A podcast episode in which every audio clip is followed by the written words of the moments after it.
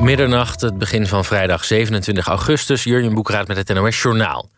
De Amerikaanse president Biden heeft voor het eerst gereageerd op de aanslagen bij de luchthaven van Kabul, waarbij ook zeker twaalf Amerikaanse militairen om het leven kwamen. Het was voor de Amerikanen de bloedigste dag in Afghanistan in tien jaar. Biden noemde de omgekomen militairen helden die hun leven gaven in dienst van vrijheid en van Amerika. Hij zei verder dat de Verenigde Staten de daders van de aanslag zullen opsporen en dat die een hoge prijs zullen betalen. Volgens Biden wijzen Amerikaanse inlichtingendiensten een lokale islamitische staatsgroep aan als daders. Hij heeft het Pentagon gevraagd om aanvallen voor te bereiden. Bij de twee aanslagen bij de luchthaven van Kabul kwamen ook zeker 60 Afghaanse burgers om het leven, zeggen de Afghaanse autoriteiten. Oud-Brexit-onderhandelaar Michel Barnier wil president van Frankrijk worden. Op de Franse tv zei hij vanavond dat hij de presidentskandidaat wil zijn van de traditioneel rechtse Les Républicains. Hij is niet de enige die namens die partij het wil opnemen tegen de huidige president Emmanuel Macron. Hoe de partij zijn presidentskandidaat kiest, wordt eind volgende maand bekendgemaakt. De 70-jarige Barnier was begin deze eeuw korte tijd minister van Buitenlandse Zaken. Bij het grote publiek is hij vooral bekend als de man die namens de Europese Unie de Brexit-onderhandelingen voerde met de Britten. Feyenoord en Vitesse hebben zich vanavond geplaatst voor de Conference League. Vitesse won met 2-1 van Anderlecht. Feyenoord verloor in Zweden weliswaar met 3-1 van Elsborg, maar gaat door nadat het vorige week in de Kuip met 5-0 had gewonnen. AZ is er niet in geslaagd de groepsfase van de Europa League te bereiken. Na een 2-0 nederlaag tegen Celtic was een 2-1 thuiszegen niet voldoende. Ook AZ gaat nu verder in de Conference League. Het weer. Vannacht bewolkt en vooral in het oosten soms een bui. Het koelt af naar een graad of 12. Morgen is het bewolkt met af en toe zon. Ook kan er een bui vallen en het wordt dan maximaal 20 graden. Dit was het NOS Journaal. NPO Radio 1. VPRO. Nooit meer slapen.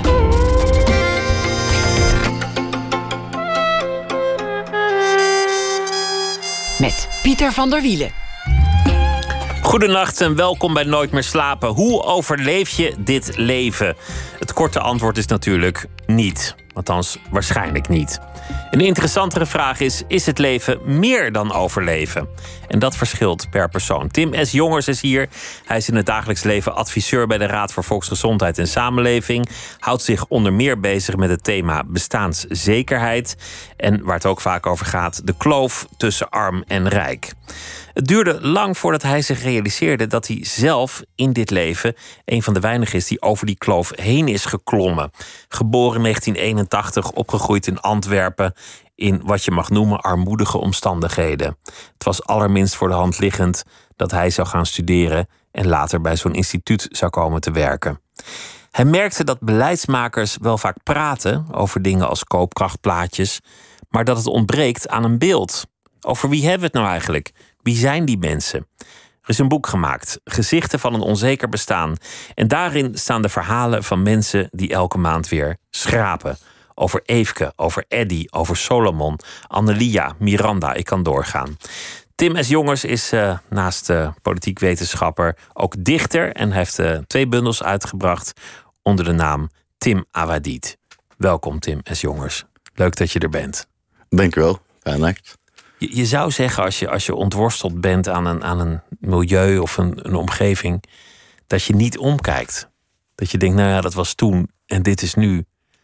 Wat was eigenlijk het moment dat het je inhaalde? Wat was het moment dat je ineens dacht: ik, ik moet wel iets met die plek waar ik vandaan kom? Nou, mijn eerste reactie op jouw vraag is: was het maar zo dat je niet omkijkt? Hè? Je hebt altijd omgekeken. Uh, ja, iedereen kijkt wel uh, om, denk ik, in het leven. Daar halen we ook onze resten vandaan. Uh, maar er zijn natuurlijk. ik denk als je jezelf uit een bepaalde situatie ontworstelt. en je stijgt. We noemen dat dan stijgen op een radder, de sociale radder. Ik heb daar zelf een ander idee over, want dat romantische stijgen op een radder en naar de sterren gaan, dat vind ik, uh, daar denk ik wel wat van. Maar als wat, je jezelf... wat denk je daarvan? Ben ik meteen benieuwd. Wat, wat, wat dan? Ik, ik, denk, ik vind het wel een mooi beeld. Ik denk aan Borderwijk en van die boeken van iemand die langzaam zich opwerkt werkt tot, tot deurwaarder of iets. Ja, het heeft, het heeft zo toch het beeld van de kleine prins, hè, die, die het leven ontdekt en dan uh, de sterren ziet. Uh, zelf heb ik het eerder ervaren als het kruipen in een tunnel. Zeker als je bij wat ik voor mezelf zou benoemen 10 uur achterstand begint. Dan is het toch eerder blind kruipen in een tunnel. En je wil ergens naartoe.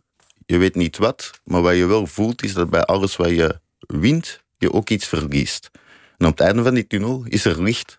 En eigenlijk kom je dan in een nieuwe wereld terecht. En ik denk dat dat zeker in mijn functie gezien nu, is dat wel mijn beeld van hey, dit is echt een nieuwe wereld met andere normen, andere waarden en andere beelden over het leven. Maar het is wel de wereld waar het beleid in wordt gemaakt voor iedereen. Kruipen in een tunnel, weet je, wil zeggen, je weet niet precies waar je naartoe gaat, want je ziet nou eenmaal niet zo gek veel in een tunnel. Ja, en wat ligt aan het eind. Ja, en het is oogkleppen op. Je, je wil ergens naartoe, eh, je wil je ergens van ontworstelen en dan moet je gewoon gaan. En wat, wat verlies je? Je zei je verliest ook zoveel. Wat, wat is dat? Ja, ik denk dat in het leven wel met veel meer dingen zo is. Dat ja, bij alles wat je wint, ja, ook altijd iets achterlaat van jezelf of zo. Bij elke keer je verandert, hè, je ouder wordt natuurlijk, ja, je verliest toch iets. Al was het maar jeugdige onschuld, bij wijze van spreken. Hè. Je laat toch altijd iets achter. En ik denk dat als je echt stevig sociaal stijgt, dat het vooral je oude wereld is die je moet achterlaten. Net een wereld met andere normen en waarden die, die je volgens mij echt niet in die nieuwe wereld gaat kunnen gebruiken. Dus je bent, bent vrienden verloren, familieleden misschien ook wel? Ja, ik denk dat die afstand op een bepaald moment ook gewoon noodzakelijk is om verder te kunnen gaan. En er zijn uh, genoeg onderzoeken, ook Nederlands onderzoeken van uh, de Waal bijvoorbeeld, die dat echt bevestigen. Dat sociale mobiliteit is meer dan gewoon een diploma bereiken. Maar het is ook echt wel in iets nieuws terechtkomen. En merken dat het oude je daar steeds minder bij kan helpen. Kom jij niet meer op voor verjaardagen van mensen van vroeger? Ga je niet meer naar je oude buurt? Of nee, op, bezoek bij familieleden? Dat, nee, dat en allemaal... er is natuurlijk... Ik woon nu uh, acht jaar en 23 dagen in Nederland. Hè? En daar is een reden voor natuurlijk. Hè? Ik bedoel, op een bepaald moment heb je ja, heb je toch een zekere belast mee. Die vasthangt aan de plekken die je kent, de mensen die je kent. En als je echt dan grote stappen vooruit wil zetten, dan, uh, ja, dan moet je daar toch gewoon doorbreken. En in mijn geval was dat de grens overgaan, naar Den Haag gaan. En, een nieuw land, een nieuwe stad. En een totaal nieuw leven opbouwen, denk ik. Wat was het moment dat je dacht, ik, ik, ik moet eigenlijk hier iets mee? Want, want je werkt dan in een instituut dat bezig is met dat soort maatschappelijke thema's. Over, over armoede, over, over de kloof tussen arm en rijk. Sociale vraagstukken, hoe je het ook noemt. Wat was het moment dat je dacht, ja, maar ik heb eigenlijk een, een ander verhaal te vertellen? Nou, ik moet zeggen dat ik. Mijn persoonlijke verhaal heb ik nooit zo echt betrokken bij mijn werk. Maar je krijgt natuurlijk als mens ergens je motivatie vandaan. Hè? Uh, in mijn geval public service motivation. Hè. Je wil het publiek dienen. Uh, enerzijds heel blij dat ik in Nederland mag zijn, dat ik hier een goed leven heb kunnen opbouwen. Uh, anderzijds tegelijkertijd ook wel wetende dat het leven niet voor iedereen even goed is. En als je dan de luxe hebt om jezelf daarvoor in te zetten, ja, dan wil je dat natuurlijk gewoon doen. als ik dan kijk naar mijn werk, ja, we zijn per definitie met die thema's bezig. Verschillen in de samenleving, hè, daar waar gezondheid en het samenleven elkaar raken. En mensen in bestaansonzekerheid bijvoorbeeld, zoals in het boek. Dat zijn mensen die daar wel mentale en fysieke schade mee oplopen. Die leven gewoon minder lang. Dat is een van de conclusies uit jullie eigen onderzoek. Ja, niet zo lang gaat, geleden. Gemiddeld acht jaar minder lang leven. Acht jaar en, is toch op een mensenleven echt veel? Ja, en de goede gezondheid, dat gaat tot twintig jaar. Dus dat wil wel zeggen dat uh, de leuke oude dag, uh, dat je even naar uh, de Nederlandse kust gaat, dat die er niet voor iedereen in zit. En daar mag je wel iets van vinden natuurlijk. En als je zelf weet hoe die situatie van dat leven is, en daar een gevoel bij hebt, net omdat je zelf ook dingen hebt meegemaakt, ja, als je dan bij zo'n orgaan werkt zoals ik nu, en je krijgt daar de kans om daar echt iets mee te doen, om die beleidswereld en die ervaringswereld samen te brengen, ja, dan die kans laat je niet liggen, denk ik. De beleidswereld en de ervaringswereld, je noemt ook het gevoel. Dat is eigenlijk het verschil tussen de wereld van de cijfers, de grafieken, de, de, de mooie vormgegeven plaatjes, de verhalen, het gevoel, mensen die uit eerste hand kunnen vertellen. Wie zijn Ja, die dat mensen? denk ik wel. Hoe is dat leven? Hoe gaat dat dan? Ja, en kijk, het vertellen is één ding.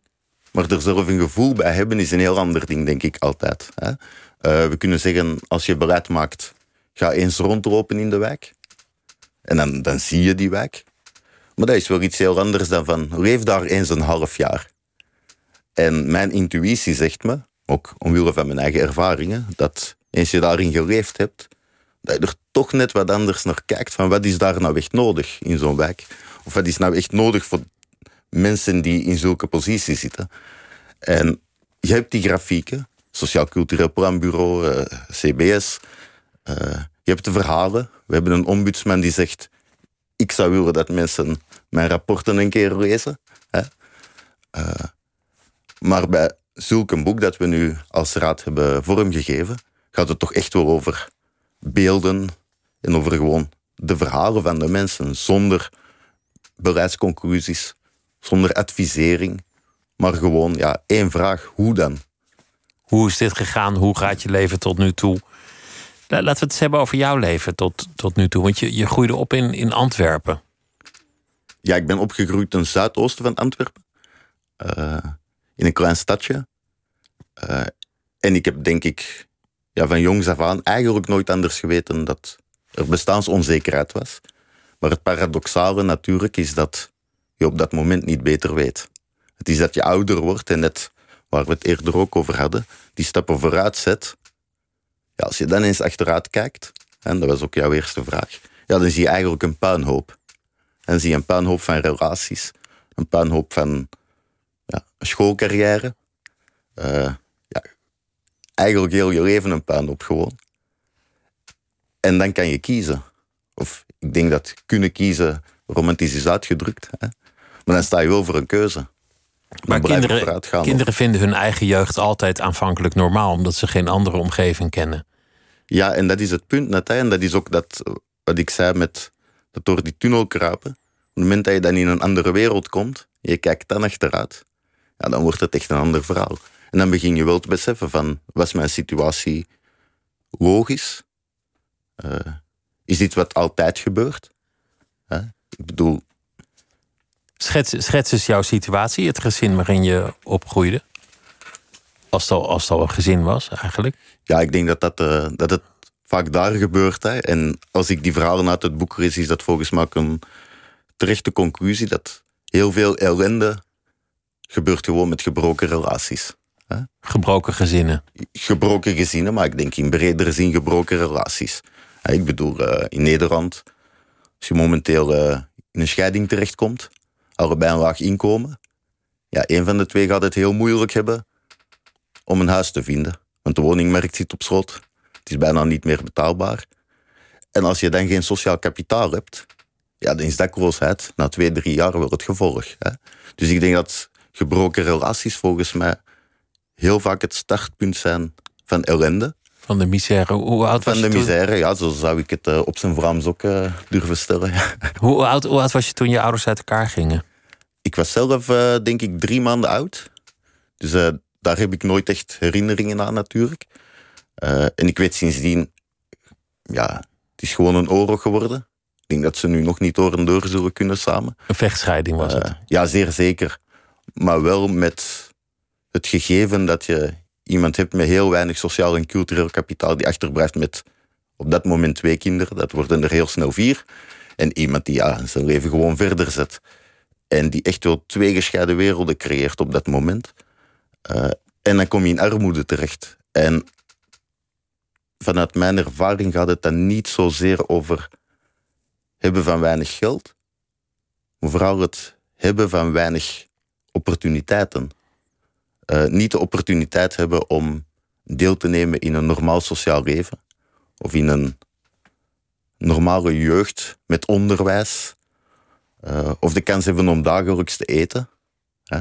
Als je over zo'n extreme vorm van armoede hebt, dan merk ik heel hard dat we dat de dag van vandaag allemaal heel zielig vinden. Als je jong bent en dan vinden we dat erg. Maar dan merk ik ook dat we op een punt zijn gekomen dat als je 18 wordt, ja, dan is het plots je eigen verantwoordelijkheid. Dus voor de kinderen vinden we het zielig en voor de volwassenen vinden we het eigenlijk gewoon stom. Ja, en dat kan op twee dagen veranderen. Hè? Zijn er Je, van je 17 18e en, eh, verjaardag. ja. Maar je zei niet altijd te eten. Je, je groeide op bij je moeder. Die kreeg nog twee kinderen erbij na de, na de vechtscheiding van je vader. Je, je vader verdwenen. Hoe, hoeveel verschil jij met, met die twee kinderen die daarna nog kwamen? Dat is telkens vier jaar. Dus, dus jij was dan acht jaar ouder dan de jongste. Ik was acht jaar ouder dan de jongste. En dan merk je dat je in een gezin opgroeit waar ouders heel afwezig zijn. Net omdat ze bezig zijn met overleven. Eh, daar de kinderen volgens mij best in vergeten. En ja, dan ben je zelfs als jonge kinderen op elkaar aangewezen. Hè. Eh, en wat ik zo frappant vind is... Dus, dus jij was verantwoordelijk voor, voor je, je, je kleinere... Ja, dat is een rol, zoals we daar ook zeiden, dat is een rol die je oppakt. Maar die je niet bewust oppakt. Hè. Dat is overleven, je doet dat gewoon. En als je dan twintig bent en je kijkt terug, dan denk je... Hoi, wat voor een rol heb ik opgepakt? Wat, wat deed je dan? Luiers verschonen, kleren strijken. Kleren strijken was er volgens mij echt niet bij. Er werd niet Eh, gestreken in luiers huis. verschonen en zorgen dat er toch een eh, minimum aan hygiëne was, zeer zeker. Maar wat ik het bijzondere vind, is als we dan nu nog 30 jaar later zijn, dat we zien dat ook Nederland er echt wel gebieden zijn waar dit nog steeds speelt. Het is al meteen een mooi contrast als ik zeg eh, kleren strijken. Jij zegt denk ik strijken. Ik had ook kunnen zeggen het zilver poetsen, maar dat gebeurde natuurlijk ook niet. En zo kan je heel veel dingen zeggen die. Ja, nee, die, dingen niet- waren er niet bij. En kijk, ik, ik denk dat je het, als het gaat over bestaansonzekerheid, of laat het ons in dit geval even extreem armoede noemen, dan gaat het denk ik wel over het compleet ontbreken van een sociaal ondersteunend netwerk. Dan gaat het over heel andere hygiënische normen dan diegene die ik nu gewoon ben en die jij volgens mij ook gewoon bent. Als jij nu terugkijkt, dan, dan was het heel smerig thuis. Dat, dat, dat zou je dan Ja, nu voor zeggen. zover dat er een thuis was, hè, want dat, dat, dat wisselt. Hè. Dat is niet stabiel. Hè. Ieder beeld van stabiliteit moet je volgens mij op zo'n moment loslaten. Du- Dus jullie woonden op wis- wisselende plekken ook steeds. Ja, tuurlijk. En dat, ik weet niet hoe het eh, perfect hier in Nederland werkt, maar dat gaat dan van. eh S'avonds sta je voor je eigen voordeur en er hangt een geel papier op van de deurwaarder. En eigenlijk zegt dat papier: je mag hier niet meer in als gezin. En ja, dan begint een zoektocht naar een andere oplossing. En dat gebeurt een paar keer. En ja, na drie, vier keer, ja, dan zakt iedereen permanent door het ijs. Eh, en dat zijn de momenten waarop alles uit elkaar breekt.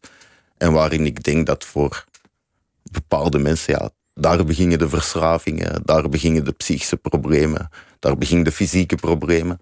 Dus, dus jullie woonden eigenlijk in een soort conditie ergens tussen dakloos en niet dakloos in. Ja, het is altijd een eh raveren hè, en het is schaatsen op dun ijzer. Eh, de vraag is dan van, kijk, wie kan je dat kwalijk nemen? Want dat is dan de vraag die onvermijdelijk volgt, ook als je ouder bent, denk ik. Eh, heb ik mezelf ook op betrapt toen ik eh, 23, 24 was en die afstand echt al gemaakt was en ik dacht van, nee, ik moet hier echt mijn eigen pad gaan gaan.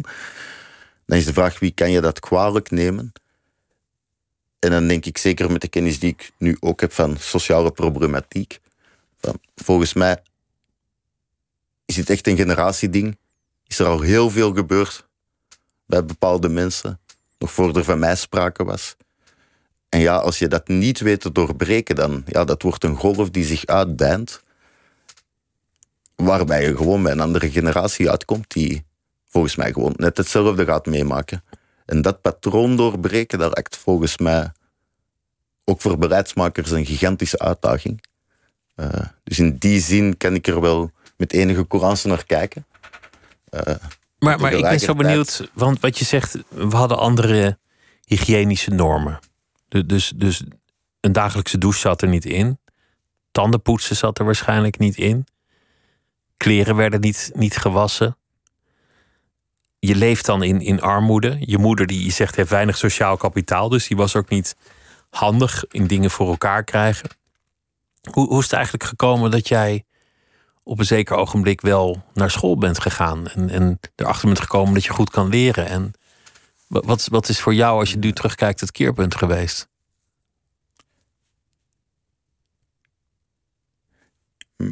Mijn eigen beeld is dat ik eigenlijk uh, in heel dit verhaal van ellende en ongeluk, hè, dat uh, heel triest aan, aanhoort, denk ik wel, zelf heel erg het idee heb dat ik heel veel geluk heb gehad. Het geluk dat ik er fysiek en mentaal best goed ben uitgekomen, maar ook het geluk dat ik best slimme jongen ben en dat ik een mondige jongen ben. Uh, ik ben eigenlijk op school altijd wel een goede student geweest, maar ik heb nooit de kans gehad om dat te ontwikkelen. En dan op je veertiende merk je van, ik zit hier op een heel laag niveau, ik verveel me heel hard, ik zit helemaal niet op mijn plek. Uh, blijkbaar heeft iemand bedacht, die jongen moet daar zitten. En waarschijnlijk is dat bedacht omwille van mijn gedrag dat weer een gevolg is van een context. Uh, Want je was een onrustige leerling. Dat gedrag was, was, ja, was onrustig. Denk, kijk, ik denk dat als mensen niet op hun plek zitten... dat gaat niet enkel over jongeren, denk ik... maar als mensen echt niet op hun plek zitten... Ja, daar word je onrustig van. De dag van vandaag kennen we, het, uh, kennen we burn-outs voor uh, volwassenen die niet op hun plek zitten. Maar als jongere dan ga je delinquent gedrag vertonen, je gaat dissident gedrag vertonen. Uh, je gaat je afzetten tegen alles waarvan jij denkt van ja, maar wat doe ik hier?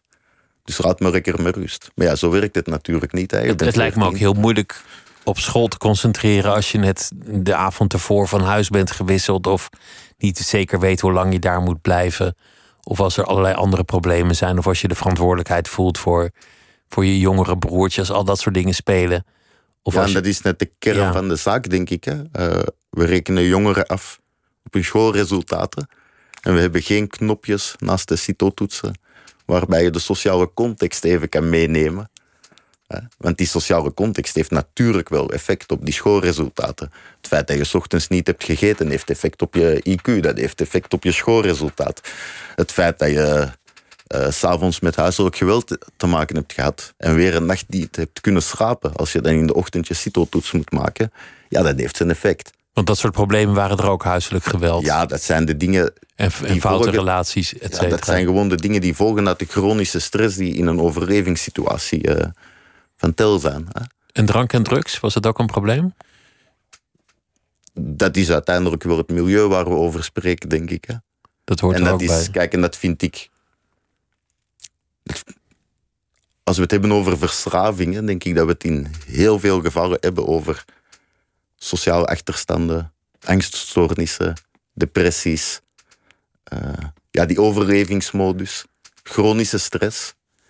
En we behandelen verslavingen, maar ik denk eigenlijk op de achtergrond zijn we die dingen aan het behandelen. Hè.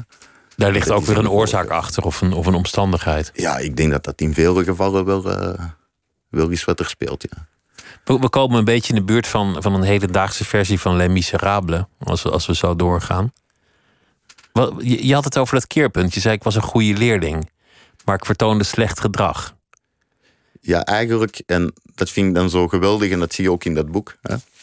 Gezichten van een onzeker bestaan. Dat er vaak toch een sleutelfiguur is die, die het net een keertje anders doet zegt van ik ga met jou naar een school en ik ga proberen jou toch op een uh, bepaald niveau te krijgen. Uh, en als dan de context ook net wat wijzigt, dus dat je verhuist van een uh, kamertje met twee stapelbedden naar drie vierkante meter van jezelf, ja, dan heb je eigenlijk met zo heel kleine dingen toch een succesformule te pakken, want dan is er ruimte. Enerzijds is er een uitdaging van de school plots, en anderzijds is er ruimte om daar ook iets mee te doen. Al is het maar drie vierkante meter achter een kartonnen praat, bij wijze van spreken. Het zijn wel jouw drie vierkante meter. Wie, wie was diegene in jouw geval die, die het zag en die jou hielp? Nou, dat was in mijn geval uh, mijn stiefvader. Die uh, nu spijt genoeg overleden is. Maar... Dus, dus je moeder had ineens een relatie met iemand die toch iets goeds gedaan heeft in jouw leven? Ja, die heeft zeker iets goeds gedaan in mijn leven. Uh, ja, nee, dat kan ik uh, zeker niet gaan tegenspreken. Hè. Uh, er zijn ook andere verhalen te vertellen. Maar op dit punt, ja, zeker, zeker de juiste persoon geweest. En zeker net op het goede moment.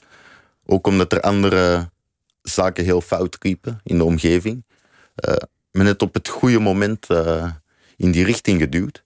En op dat moment zelf beginnen beseffen, 14, 15 jaar, zelf beginnen beseffen van, oh, dit klopt niet. Hè? Ik ben 14 jaar, ik werk alle avonden fulltime uh, na, mijn, na mijn studies. Uh, in het weekend werken in de horeca, ga je afwassen. Ja, je bent 14, je bent eigenlijk gewoon mede kostwinner. Want je voelde je verantwoordelijk en je dacht, ik kan iets doen, ik kan iets bijdragen om die armoede te verlichten. Laat ik ook maar gaan werken. Ja, maar nu doe je wel alsof dat een keuze is geweest of zo. dat is niet, ik, ik kan nu niet zeggen uh, van mezelf, nou Tim, dat heb je goed gedaan. Dat je op dat moment denkt van, jij gaat ook even werken. En nee, dat is gewoon een keuze. Dat is geen vrije geen keuze. keuze. Geweest. Nee, dat is gewoon de logica geweest er dingen op dat moment. Dus ik denk dat dat wel te nuanceren valt. Ja. Een van de geïnterviewden in, dit, in het boek zegt, ik was uh, zo slecht in het, in het goed doen van dingen. Dat ik dacht, nou ja, dan word ik. Nou ja, dacht. Dat ik goed ben geworden in het slecht doen van dingen. Goed worden in het slechte. Ja, dat begrijp ik dat wel, je, ja. Dat je eigenlijk virtuoos wordt in het, in het verkloten der dingen. Ja, dat, uh, dat begrijp ik ergens wel. Uh, kijk, het gaat toch over druk die we op jonge mensen zetten. Uh, en ook hoe de omgeving daar naar kijkt. Hè. afhankelijk van de normen en waarden die je hanteert, die volgens mij redelijk geldend kunnen zijn en redelijk gemiddeld kunnen zijn. Als je dan kijkt naar jongeren in achterstandssituatie en hun gedrag, ja, dan zijn er wel redenen om daar heel veel van te vinden. Als je kijkt vanuit die context en vanuit eigen normen en waarden, kan dat begrepen worden. Maar als daar een afstand is tussen degene die er wat van vindt en de leefwereld van degene die daarin zit, ja, dan kan je op de duur gewoon niets meer goed doen. Hè? En dat was ook uh, een punt dat ik uh, al had gemaakt. Is, als je nu met een overheid in aanraking komt, ja, het is toch altijd een soort veranderproces dat je moet doen. Want je bent arm, dus we willen je helpen, maar dan moet je dit goed doen en dan moet je dat anders doen en dan moet je dat anders doen. Dan denk ik, als u nu in een relatie zit en jouw partner gaat uh, iedere dag zeggen wat je anders moet doen, na een week ben je helemaal klaar met die relatie. Zo van werkt het meestal wel, ja. wel, Van die overheid ben je dan wel afhankelijk, omdat je in die minderheidspositie zit. Dan kunnen we zeggen, er is een eigen verantwoordelijkheid. Maar dan is er ook wat ik daar net al aanhaalde. Van 0 tot 18 vinden we dat niet en vinden we het vooral zielig. Dan word je 18 en dan is het eigen ver verantwoordelijkheid. Dan denk ik, ja, dat gaat te snel. Want er, het is onmogelijk dat als je die verhalen leest, dat je denkt van deze mensen vanaf hun 18e zijn alle problemen opgelost. Vanaf hun 18e zijn ze fysiek en mentaal gezond. Nee, er is schade gereden. Maar in dat concept van die eigen verantwoordelijkheid ja, is het heel moeilijk om die schade een goede project te geven. En veel dingen, criminaliteit, uh, in aanraking komen met justitie, verslavingsproblemen, die hangen allemaal samen met de achterstandspositie. Maar die worden gestraft. Uiteindelijk. Dus, dus dat maakt die relatie met de overheid ook niet per definitie een hartelijke. Het is Nee, niet dat iemand weet- denkt, oh, hoera, daar is de overheid. Ik weet niet of die relatie zo eenduidig is natuurlijk. Hè. Ik denk dat daar zeker nuance op zit. Eh, maar je kan moeilijk verwachten van iemand die als kind nooit op volwassenen heeft kunnen rekenen. Of die als kind nooit een stabiele situatie heeft gekend. Ja, dat die dan als volwassen persoon plots het ideaaltype van de, van de burger gaat spelen. Dat gaat hem niet worden natuurlijk. En ik heb zelf eh, ook vanuit de eigen ervaringen best eh, eh, veel met daklozen gewerkt. Ook met daklozen verslaafden. Ja, als ik die dossiers lees, ja, dat, ja, dat krijg je gewoon niet meer uitgelegd. Het wordt heel moeilijk om dat dossier goed te lezen, dat goed tot je door te laten dringen. Om tot de kern van het probleem te komen. Ja, en dan een keer gaan zeggen, ja, maar het is toch wel je eigen verantwoordelijkheid. En kan je niet beter je best doen? Nou, ik zie dat echt als mensen die... Ja, we hebben hen een been afgepakt in hun jeugd. Dan zijn ze volwassenen en dan verwachten we ze dat ze meelopen in de race van de tweebenigen. Zo kijk ik ernaar. En volgens mij kunnen we daar met snel wel... eh, ja, onze eigen opvattingen over bijstellen. Wat, wat ik nog wil weten over je eigen leven is... Je zei, ik heb moeten breken eigenlijk met mijn achtergrond. Ik, ik heb eigenlijk mijn achtergrond achter me moeten laten. Er is dus een moment gekomen, want je was een goede leerling. Je raakte gemotiveerd. Je ging studeren. Ik, maak nu een heel lang verhaal, heel kort. En toen is er toch een moment geweest dat je dat contact hebt moeten afbreken. Dat je naar een andere stad in een ander land bent verhuisd. Dat is eigenlijk tragisch dat dat niet te combineren valt. Zijn, zijn je ouders bijvoorbeeld trots op je? Nou, dat vind ik wel een heel goede vraag. Ik had het er toevallig uh, deze week nog met iemand over. Ik weet niet wat ze weten. Hè. Heel sporadisch is er contact geweest, niet meer sinds ik in Nederland woon. Maar ik hoorde dat wel eens. Maar het woord trots laten doordringen is dan wel een heel lastige. Want ze hebben natuurlijk ook wel een rol gespeeld in heel het verhaal.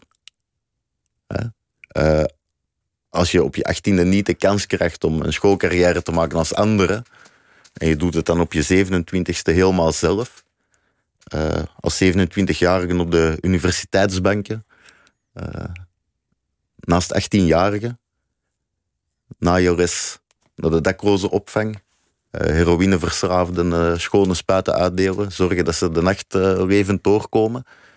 Als je dat zo moet doormaken, je krijgt dan te horen, ja, ik ben wel trots op jou. Ah, dan heb je toch wel zoiets, ja, maar misschien had het net wat anders gekund. En daar zit, is ook een rol dus. Zit daar woede? Zit daar kwaadheid bij jou? Nee. Om, omdat wat je eigenlijk zegt is, ja, trots. Waar zouden ze trots op moeten zijn? Want je hebt het zelf gedaan. Het is niet, niet hun verdienste geweest. Ja, het gaat niet per definitie of het hun verdienste geweest is of niet. Maar als die relatie zo troebel is en dat verleden zo geproblematiseerd, dan is voor mijn gevoel trots geen. Ja, niet het juiste woord, zeg maar. Want dat, ja, dat, dat impliceert dan toch wel een relatie van een zekere wederkerigheid of zo. Zo voel ik dat dan aan. Ik kan daar fout in zijn. Maar er zit zeker geen woede. Nee, ik ben. Uh... Je bent niet boos op je ouders? Nee, ik ben. Ik ben vooral heel dankbaar dat ik uh, uit zulke situatie ben kunnen komen. Ik besef me dat ik heel veel geluk heb gehad. Uh, wat ik eerder al zei, dat fysiek de schade te overzien was. Dat mentaal de schade te overzien was. Uh, ja, dat ik een prima stel hersenen heb. Dat me echt heeft geholpen. Uh, en dat ik toch ook op de juiste momenten mensen ben tegengekomen die, die me toch hebben overtuigd om uit dat zelfdestructieve te blijven en in dat constructieve te gaan zitten. Uh, en ik denk dat zelf komende vanuit een heel moeilijke situatie en de niet zo verstandige keuzes die je dan soms kan maken. Ja, als ik dat dan reflecteer op anderen, dan denk ik, ja, dat, dat vergt ook wel vergiffenis of zo. Dat, eh, dat, ja, en, en met woede en met wrok schieten we ook niks op in dit leven, vind ik zelf. We hebben het niet altijd voor het zeggen of we, of we woedend worden of, of uh, wraakzuchtig. Voor wie het inschakelt, Tim S. Jongers zit tegenover mij en hij is uh, adviseur van, uh, van beleid in, in Den Haag bij de, bij de Raad van de Volksgezondheid en Samenleving. En hij heeft ook een, eh, een boek gemaakt, Gezichten van een onzeker bestaan. Hij is ook nog dichter, heeft twee dichtbundels uh, gemaakt onder een onder andere naam. We hebben het gehad over jouw eigen opgroei in Antwerpen, of in de, in de buurt van Antwerpen, aan, aan de onderkant van de samenleving. Een van, een van de dingen die je steeds noemt is, is het dogma van de eigen verantwoordelijkheid. Wat, wat in heel veel beleid een, vrij hardnekkig dogma is. Maar, maar wat mij ook opvalt is dat je toch wel veel vertrouwen hebt in, in de overheid. Je kunt je de vraag stellen: kan een overheid dat eigenlijk wel oplossen? Kan een overheid andermans leven oplossen? Kan een overheid mensen hun leven op de rails krijgen als het eenmaal zo problematisch is geworden? Bestaat dat wel? Heb, heb jij niet te veel vertrouwen in de overheid in die zin? Nou, ik werk zelf bij de overheid. Dus natuurlijk heb je vertrouwen in de overheid. Nee, maar ik zie wel uh, mensen met heel veel goede bedoelingen die heel hard werken. Uh, en ik denk dat dat ook net. Er wordt heel veel verwacht van de overheid ook. Ik denk dat we ons daar ook bewust van moeten zijn. Op heel veel domeinen verwachten we heel veel van de overheid. Uh, en ik denk dat op dat sociale domein hebben zes jaar geleden een bezuinigingsoperatie gehad. Uh, en ik denk dat op die keuzes best wel wat op aan te merken is. Ik denk dat dat besef ook steeds verder doordringt. Maar ik denk ook niet dat, dat we constant naar een overheid moeten zien. Ik bedoel, wat ik zei, in mijn geval, er waren wel sleutelfiguren. U hebt het ook in zich om morgen voor iemand een sleutelfiguur te zijn. En ik denk dat sleutelfiguur veel meer voor mij heeft gedaan dan een overheid ooit had kunnen doen. Maar ik vind dat punt van de eigen verantwoordelijkheid, ik vind dat daar heel veel voor te zeggen valt. Ik vind ook niet dat dat per definitie afgebrand moet worden. Mensen hebben ook een eigen verantwoordelijkheid. Maar als we nu kijken naar jongeren die zonder eten naar school gaan, en dan gaan we geen ontbijt aanbieden, want dat is de eigen verantwoordelijkheid van de ouders. Nou, dat mag je helemaal vinden dat dat de eigen verantwoordelijkheid is van ouders. Maar door iets heel simpels als ontbijt niet aan te bieden, hebben we wel de kinderen. En dat is niet hun eigen verantwoordelijkheid. Dus ik vind prima dat je vindt dat het de eigen verantwoordelijkheid van de ouders. Maar besef wel dat als je op dat niveau niet ingrijpt, dat de kinderen daar de dupe van zijn. En dat is wel een keuze die iedereen kan maken. Als een bedrijfsleider mij belt naar aanleiding van het boek en die zegt: Tim, ik wil helpen, wat kan ik doen? Nou, dan denk ik, doneer naar, aan een klas 50 euro in de week. Of ga iedere ochtend een bakje aardbei met yoghurt afzetten. En die kinderen hebben ontbijt. En je maakt een wereld van verschil. Voor kinderen in die situatie. Zo klein kan het zijn. En die, die sleutelfiguren, er zijn natuurlijk een paar mensen kansrijker om een sleutelfiguur te worden dan anderen. Docenten bijvoorbeeld, onderwijzers, maatschappelijk hulpverleners. Ja, zeer zeker. En ik denk dat gezien wat we nu horen van administratieve lasten en noem maar op, in eh, heel dat domein, dat hoor je in de zorg ook, dat we misschien wel net wat meer ruimte moeten gunnen om te focussen op waar het onderwijs over gaat. En dat gaat over het kind. En dat een onderwijs aansluit bij een bedrijfsleven, daar kan je allemaal niet tegen zijn. Maar per definitie moet, een, moet onderwijs gaan over het kind. Uh, ook in het sociale domein. Er moet wel ruimte zijn om zaken te kunnen doen. En die ruimte is er volgens mij niet altijd, of ze wordt niet altijd even goed genomen. Maar dat betekent soms ook, denk ik, dat je als professional of als bestuurder ook wel eens een stap terug moet durven zetten. Want u zegt, we kunnen allemaal sleutelfiguren zijn. Maar als u het beeld hebt van nee, gaat jij, allemaal jij best we, goed. Jij zei we kunnen allemaal sleutelfiguren ja, zeer zijn. zeker. Maar als u het beeld hebt van het gaat best goed. Want u ziet een bestuurder van een stichting. Die komt een goed verhaal vertellen over de nieuwe interventies. Dan denkt u, het gaat best goed. Maar hoe komt het dat het de bestuurder is die dat verhaal vertelt en dat we heel weinig, de mensen die het subject zijn van zo'n interventie, dat we die heel weinig aan het woord horen? Want die horen we heel weinig. Het gaat wat, wat merk je daarvan? Wat merk je daarvan in je, in je beroep? Want, want, want jullie schrijven rapporten, jullie doen studies, jullie, jullie adviseren over beleid, jullie proberen in de gaten te houden hoe het gaat met heel veel eh, sociale omstandigheden. Maar je zei eerder van ja, je kan wel eens langs gaan in een wijk, maar ga er eens een maand wonen, dan heb je een ander beeld.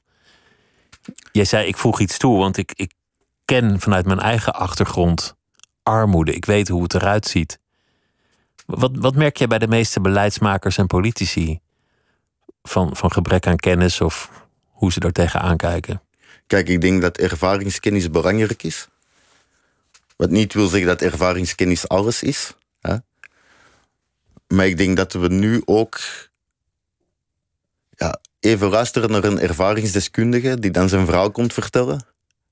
En dan krijgt hij een cadeaubon. Dan gaan wij met z'n allen borrelen en bedenken hoe het beter kan. Ik denk dat dat, dat, dat niet langer kan. Ik denk dat ervaringsdeskundigheid echt een bestendige rol geven in organisaties. En dan organisaties die zich ook inzetten om die ervaringsdeskundigen zelf een stap verder te brengen in het leven. Ja, ik denk dat dat wel, uh, daar moeten we wel ruimte voor creëren, denk ik zelf. Naar die mensen zelf gaan luisteren in plaats van bovenste gaan staan en te zeggen hoe ze hun leven moeten inrichten en wat er anders moet. Iedereen heeft de mond vol van niet praten over, maar praten met. Volgens mij gaat het over samen beslissen. En je wil niet weten hoeveel overheidsprogramma's er zijn om op allerlei niveaus te leren samenwerken. Dat is in de zorg zo, dat is in het welzijn zo, dat is in het sociale domein zo. Samenwerking is echt een issue. En dan denk ik, dat is helemaal prima. Maar dat betekent ook dat als er niet goed samengewerkt wordt, dat er mensen vergeten worden. Nou, keer je eens naar die mensen. Vraag echt eens wat zij denken nodig te hebben. Kijk, het subject maar je- zijn van Je overheid. schetst allemaal mensen die eigenlijk heel vaak verkeerde keuzes maken of hebben gemaakt. Ja, dat ook zeer zeker. Met, met, met een strafblad, met, met verslavingsproblematiek, met meerdere gebroken relaties en ingewikkelde gezinnen. Dus ik kan me ergens ook al voorstellen dat een beleidsmaker denkt: Nou, ik ga jou even niet vragen hoe het moet. Ja, terwijl dat daar volgens mij toch wel de crux in zit. Om het wel te doen. Ja, kijk, ik weet niet, maar we geven in dit land 88 miljoen euro per jaar uit aan jeugdzorg eh, die verbonden is aan vechtscheidingen. Ik denk dat we met 88 miljoen euro, afhankelijk hoe we dat inzetten, best wel wat vechtscheidingen kunnen voorkomen. Maar dan moet je er wel van bewust zijn dat we dat doen. Hè? Dat we nu die 88 miljoen aan vechtscheidingen geven. En dan kan je wel zeggen, moet relatietherapie voor minima-gezinnen gratis zijn of niet? Dat zijn keuzes. En als je die niet maakt, ja, je draagt die keuzes toch. Kijk, als je niet ingrijpt op het leven van een jongere in problemen, ja, dat zijn de zorgkosten van later. Hè? Dus een mediator, als mensen besluiten te gaan scheiden, van, dat het dan in ieder geval amicaal gebeurt. Daar zou je voor kunnen zorgen, bijvoorbeeld. Bijvoorbeeld, zeg ik maar. Hè? Of goede rechtshulp voor mensen die eh, te weinig eh, eigen sociaal kapitaal hebben of te weinig eigen middelen hebben om hun rechtshulp in te kopen. Kijk, dat zijn keuzes die gemaakt worden en iedere keuze valt te verdedigen. Maar ik vraag me oprecht af, en dat is ook eh, de oorzaak of de aanleiding van het boek. Ik vraag me op, oprecht af of we in de wereld van de hoogopgeleiden, en de mensen die niet met deze problematiek te maken hebben of hebben gehad, vraag ik me oprecht af of we nog wel weten hoe moeilijk het leven aan die onderkant kan zijn. Of mensen En dat wel we- echt doorhebben. Ja, en of we op dat punt niet te veel vertrouwen hebben in de arrangementen die we ooit een keer hebben opgetuigd. Want bepaalde grondrechten zijn de laatste decennia wel verwaarloosd geweest. Ik bedoel, zorg, onderwijs, huisvesting, dat zijn grondrechten. Dat zijn sociale grondrechten, die zijn niet afdwingbaar. Maar er zijn best wel veel mensen die voor een huis zitten te wachten. Het aantal daklozen is verdubbeld de laatste tien jaar. En ik vraag me af, kijk, dat beeld van die dakloze verslaafde zwerver die er zelf voor kiest, volgens mij gaat dat al heel lang niet meer op. En als je dat denkt, ja, dan ben je al heel lang niet meer in een dakloze opvang geweest. En ik vraag me dat af. En met dat boek natuurlijk probeer je dat een beeld te geven. En tuurlijk maken mensen foute keuzes.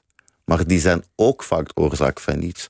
Als u vandaag met uw vriendin, of uw man, weet ik veel, ruzie hebt, en u hebt ook nog eens een slechte dag op je werk, dan gaat u s'avonds op de bank hangen en dan schenkt u twee wijntjes in.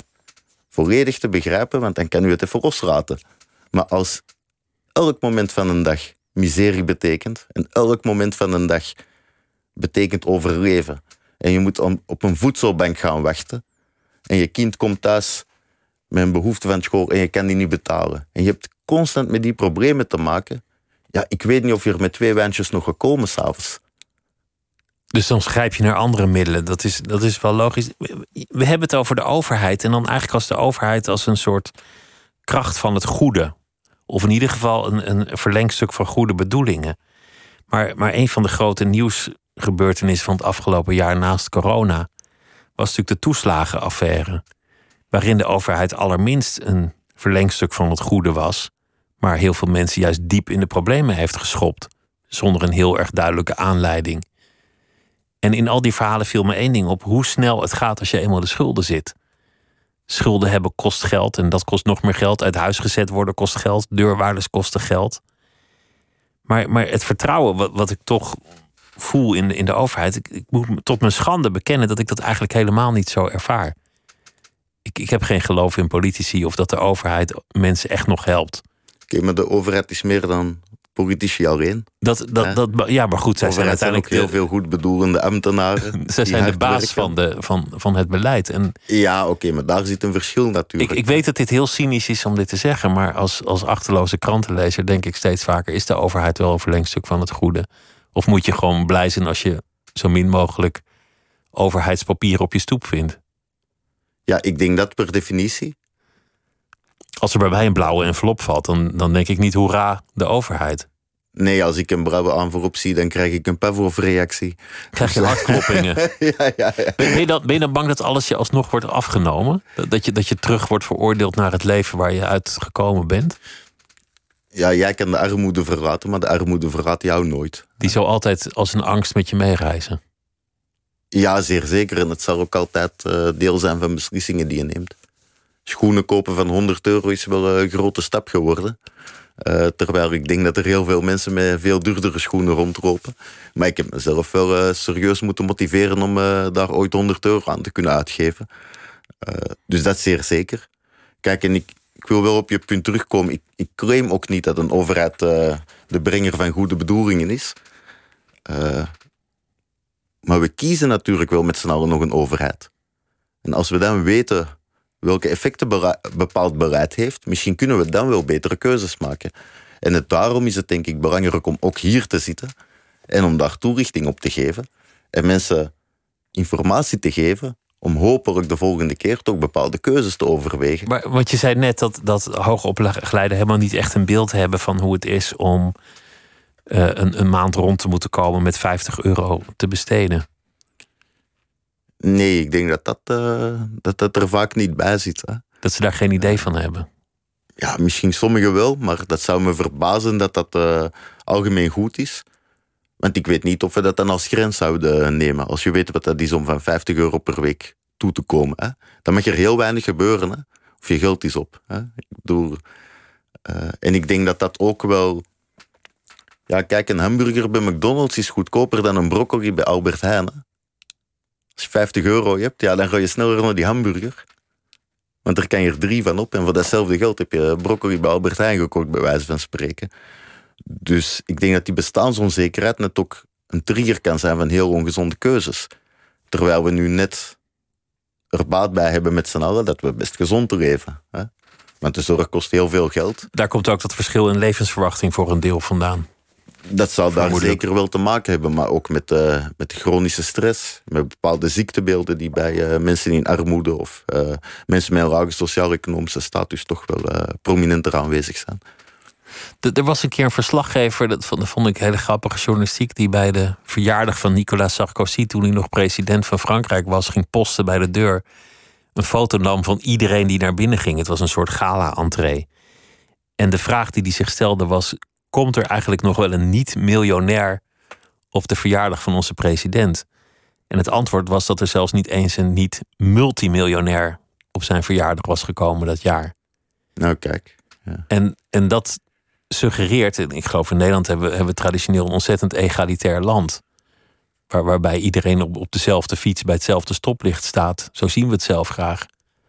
Of, Ja, of er niet toch stiekem meer een kloof ook hier Ja, maar in is geslopen. ook multimiljonairs zullen wel eens fietsen. Dus ik denk nou niet dat dat. eh, Maar ik, ik vond het, eh, als we dan toch over eh, buitenland bezig zijn. Ik, vond het geweldig met eh, Afghanistan. En dan eh, iedereen is overvallen door het gebeuren in Afghanistan. En dat de Taliban binnen twee dagen is kunnen oprukken naar Kabul. En dan eh, lees je een analyse van iemand die heel veel in Afghanistan is geweest. En die zegt dan: ja, maar de Taliban zit eigenlijk al twee, drie jaar op de dorpspleintjes. Ze waren er al, ze zijn Ze niet in zijn al twee, drie jaar op die dorpsprantjes. Maar als de Taliban er al zit, dan zaten er heel veel andere mensen niet op die dorpsprantjes. Terwijl het daar net gebeurt. En misschien doen we dat gewoon te weinig. Misschien komen we gewoon te weinig op de dorpsprantjes. Misschien komen we gewoon te weinig samen op een centraal plein. Maar even te veel in onze eigen bubbel. En het zou mooi zijn dat, kijk, het is niet erg om in je eigen bubbel te leven. Maar het zou wel heel mooi zijn om jezelf daarvan bewust te zijn. En om als je dan in je eigen bubbel leeft en je maakt beleid voor mensen en je bent zelf nooit het subject van dat beleid, dat je toch op zijn minst heel goed toetst van hoe gaat dat beleid hier nou eigenlijk uitpakken in die leefwereld van die mensen. En dat je niet van achter een bureau een soort droomwereld schetst zoals de Amerikanen met Afghanistan hebben gedaan. Dat is nu een democratie, daar hebben wij voor gezorgd. Ja, ja dat, dat was het niet uiteindelijk. geworden, denk ik dan. Het was Maar- een droomwereld, omdat ze, dat ze er eigenlijk niet zich heel goed in verdiept hadden. Kijk, ik denk dat dat inderdaad. En dat is de metafoor die je ook zou kunnen gebruiken voor elk beleid. Ja, ik zou een anekdote vertellen. Deze is een achterstandswijk. En er is een school met heel veel achterstanden. Nu krijgt die wijk heel veel aandacht. Nationaal actieprogramma. Dus dan organiseren we heel veel ronde tafels, kennistafels in die wijk. Het merendeel van de mensen aan die tafels komen niet uit die wijk. dat zijn mensen die daar een graantje hebben mee te pikken. En die bedenken dan, het is heel belangrijk om gezonde voeding te promoten. Daar kan je volgens mij helemaal niet tegen zijn. Ik ben ook voor gezonde voeding. En dan gaat er iemand in die kras, in die achterstandswijk voor groep 7 leerlingen, een broccoli en een pastinaak promoten, terwijl 90% van die kinderen in de ochtend niet hebben gegeten. Op dat moment ben jij met je broccoli en je pastinaak die kinderen aan het vernederen. Als je nou, alvorens je dat bedenkt aan die ronde tafel, een week achteraan in die klas zit en goed observeert, ik vraag me af of je nog hetzelfde idee zou hebben van laten we hier een broccoli en een pastinaak nemen. Ik denk dat je op andere manieren van preventie komt, want gezonde voeding in die klas is vooral zorgen dat er voeding is. Begin maar eens met gewoon ontbijt voor je over de broccoli en de, en de pastinaak uh, gaat. Ik, ik ben ook nieuwsgierig naar de gevolgen van het coronabeleid hierop. Want, want ik las bijvoorbeeld dat veel vaccinatie, of mensen die afzien van vaccinatie, zich in hogere concentratie in bepaalde wijken bevinden. En dat zijn niet de villa-wijken. Dus daar zit ook al een sociaal verschil weer achter. Maar de gevolgen van de lockdown komen het hardst binnen in de informele sectoren. Die kunnen geen steun aanvragen, want officieel bestond het allemaal niet. Of was het niet vast, of was het een beetje ja. houtje touwtje. Ik ben benieuwd hoe, hoe gelijkwaardig die, die gevolgen gedragen zijn in onze samenleving. Ik denk dat dat zeker uh, subject van uh, onderzoek moet worden. Dat, dat weten we daar nu nog niet. wat weinig over weten. Maar ik kan me wel inbeelden dat. Kijk, enerzijds die lage vaccinatiegraad in die uh, achterstandswijken. maar eigenlijk weten we ook dat de meeste essentiële beroepen tijdens heel corona uit die achterstandswijken kwamen. In de Haagse torens worden essentiële beslissingen genomen. Na Transvaal en de Schilderswijk komen de pakketbezorgers en dat waren plots de essentiële beroepen. Dus die mensen zijn ook blijven werken. Daarnaast denk ik dat er, en volgens mij ook wel deels terecht, meer wantrouwen is jegens de overheid. En ik vind dat zelf, toen ik zelf jong was, heel je leven ligt aan die horen. En dan hoor je politici zeggen, het gaat hartstikke goed met de economie, de koopkracht gaat vooruit, uh, het is een hartstikke gaaf land, hè, dat is het equivalent. En toen dacht ik al als jongere van, ja maar ho, wat is hier gaaf aan? Wat is hier leuk aan? Ik zie niet dat het goed gaat met de economie. Dus ik zeg dat echt als fake news. 3% economische groei, dat, dat zei jou niks. Dat... Ja, nee, dat zegt me niets. Nee. En dat zijn de gemiddelde. Kijk, je kan tien mensen in uh, een kamer zetten. Negen minima, één miljonair. Ja, dan heb je een heel welvarende kamer. Maar negen mensen hebben geen goed leven in die kamer. Hè? Je, hebt, je hebt ook poëzie geschreven. Onder meer een, een hommage aan de stad Antwerpen. Maar, maar dat niet als een, uh, als een soort reisgids met, met, uh, met Rubens en, en, en de andere mooie attracties. Maar echt het, het rauwe leven. En je hebt ook een bundel geschreven over, over liefdesverdriet. Over, over een breuk. Ja, en die bundel over de breuk gaat toch meer over mentale kwetsbaarheid, denk ik. En dat idee wat ik daar net al propageerde, van heel veel begint met gebroken relaties. En dan kan je in een cirkeltje terechtkomen. En dan is het heel erg de vraag waar het cirkeltje je brengt. En dat kan een heel donker zwart cirkeltje zijn. Uh, en de hommage die jij noemt, uh, dat gaat over dakloosheid. Waarbij, denk ik, ik heel erg geput heb uit de ervaringen van de mensen die ik ben tegengekomen tijdens mijn werk, maar ook mijn eigen ervaringen. Toen, toen je werkte in de nachtopvang? Ja. Daar. En waarbij ik toch ook heb willen laten inzien dat het meer is dan een zwerversbestaan. Het gaat echt over. Ik, ik weet nog goed dat we in Antwerpen een burgemeester hadden. Die hebben we nu nog steeds trouwens. Uh, en hij zei: de sociale zekerheid is een hangmat geworden. En ik kon dat helemaal niet begrijpen, want ik zag heel veel mensen op de grond schrapen. Hè, in diezelfde stad. Waar hij van. Jij zag geen hangmat. Ik heb die hangmat niet gezien. Toch voor heel veel mensen niet. En daar heb ik wel woorden aan willen geven. Aan dat gevoel. Maar Ja, ook, aan dat ook aan die stad. Want, want het zijn gewoon mensen die in, in die stad op dezelfde straten leven als, als de mensen die hier langslopen. En toch leven ze eigenlijk in een andere stad. Ja, en dat is het bijzondere. Hè. Ik, eh, dat maak ik nu twee keer mee. In Antwerpen zat ik bij de nachtopvang. Dakloze verslaafde. Moest ik s'nachts uh, een verslaafde reanimeren. En dan eh, moest ik de rijen over met mijn fietsje. Om acht uur s morgens. En dan kwam ik op de universiteit. Dat was zes minuten fietsen. Eh, en in Den Haag werk ik in de Haagse torens. Dan rijd ik eh, op mijn fietsje de stad uit. En dan rijd ik een bruggetje over. Dat is ook ongeveer zes minuten. En dat zijn zes minuten die je echt van de ene wereld naar de andere brengen. Twee compleet verschillende werelden. Zes minuten fietsen. En die leven met de rug naar elkaar. Dat, dat is eigenlijk. Ja, en het, ik denk eh, dat dat ook wel belangrijk is. Het is echt met de rug naar elkaar. En vandaar dat ik ook zeg, we kunnen altijd naar beleid kijken of naar politiek kijken.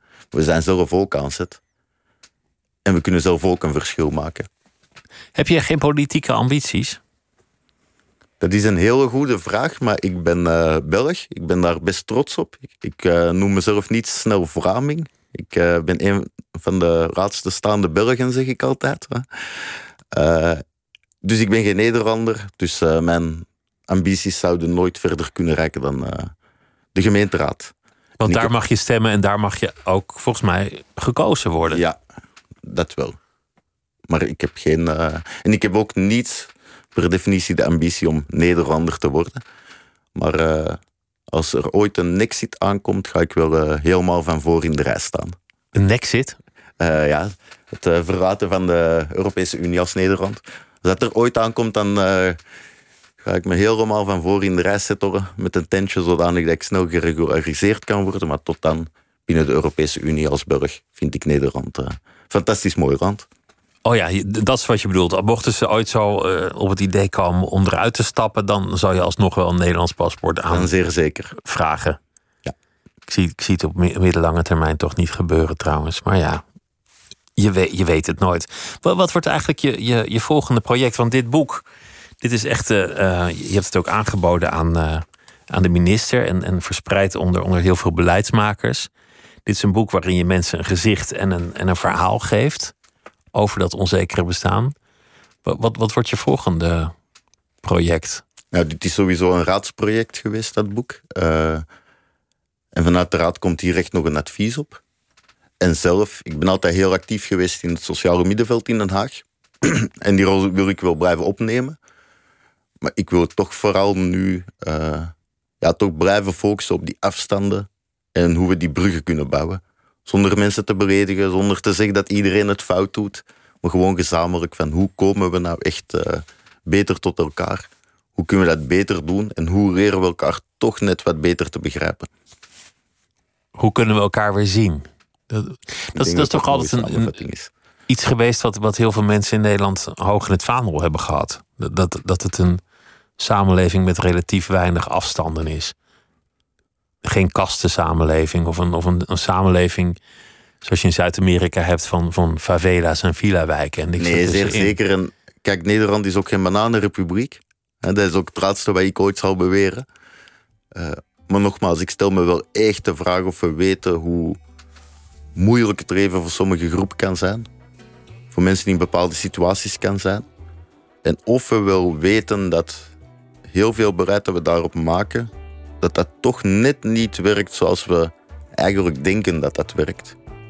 En als dat besef er al zou komen, dan denk ik dat we toch net weer wat eh, dichter bij elkaar kunnen komen ook. Dankjewel dat je langs wilde komen om eh, te vertellen over je eigen leven en over eh, je werk als eh, adviseur bij de Raad voor Volksgezondheid en Samenleving. Tim S. Jongers, dankjewel. Het was een genoeg om met je te praten. Dankjewel. Insgelijks. En dit was Nooit meer slapen voor deze nacht. Morgen dan zit op deze kruk Lotje IJzermans. En ik wens u allemaal een goede nacht.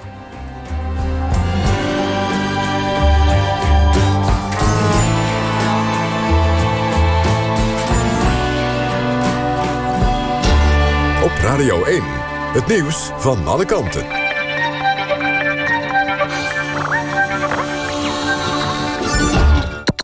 NPO Radio 1.